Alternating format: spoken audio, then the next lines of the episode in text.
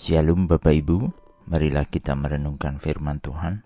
Sebelumnya mari kita berdoa. Tuhan kami hendak merenungkan firman-Mu. Roh Kudus pimpinlah kami. Di dalam Tuhan Yesus kami berdoa. Amin.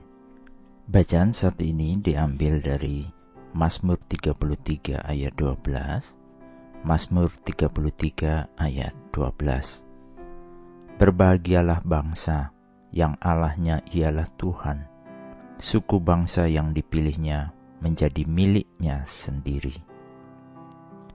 Pemasmur dalam bacaan saat ini sedang berbicara tentang bangsa Israel, di mana Allah memilih Israel sebagai bangsa yang melaluinya akan datang Mesias yang dijanjikan Allah. Untuk hal itu pula Tuhan berjanji akan menyediakan, memberkati, dan melindungi orang-orang Israel jika mereka mau mengikuti Tuhan. Namun, dalam kisah yang tertulis dalam Perjanjian Lama, kita tahu bahwa bangsa Israel sering berpaling dari Tuhan.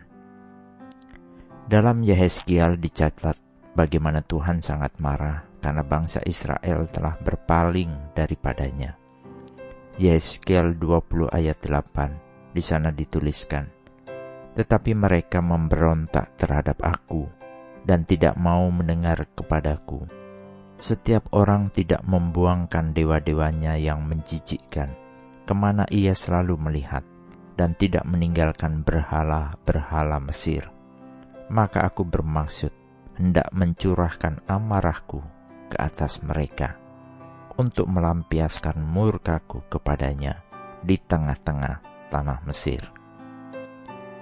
Karena pemberontakan Israel, maka Allah sangat murka kepada mereka. Kita dapat belajar dari sejarah Israel. Apa yang terjadi ketika bangsa-bangsa menghormati Tuhan, dan apa pula yang kemudian terjadi ketika mereka memberontak terhadap perintah-perintahnya. Pemberontakan menurunkan murka Tuhan atas bangsa Israel. Ketika mereka memberontak, maka Allah tidak membela mereka ketika bangsa-bangsa lain berperang melawan mereka.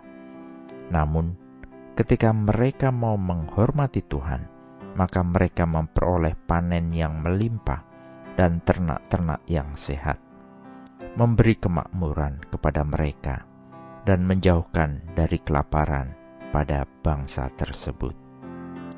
Dari hal tersebut kita memahami bahwa berbahagia kita yang Allahnya adalah Tuhan, sehingga kita menjadi pusaka miliknya yang senantiasa diberkati dan dipelihara.